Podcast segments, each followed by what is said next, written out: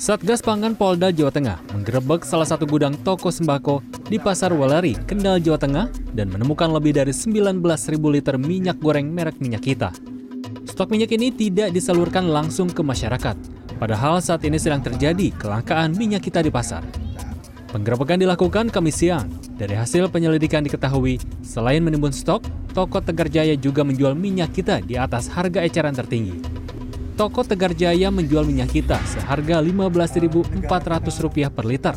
Padahal harga eceran tertinggi minyak kita yang ditetapkan pemerintah adalah Rp14.000 per liter.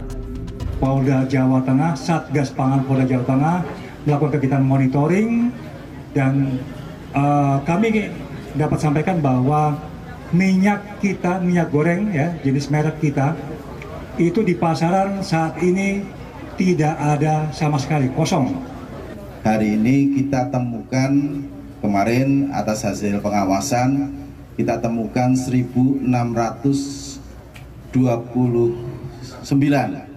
dus kalau satu dus isinya 12 liter eh, 12 ini pouch berarti ada kurang lebih hampir 19.000 liter Stok minyak goreng minyak kita yang ditemukan disalurkan kembali ke masyarakat sesuai harga eceran tertinggi, yaitu Rp14.000 per liter.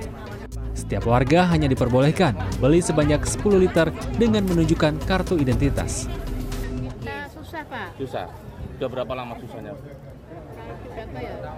Satu bulan ada bu. Satu bulanan. Kalau ada tapi mahal bu. Kalau ada mahal. Sampai berapa liternya?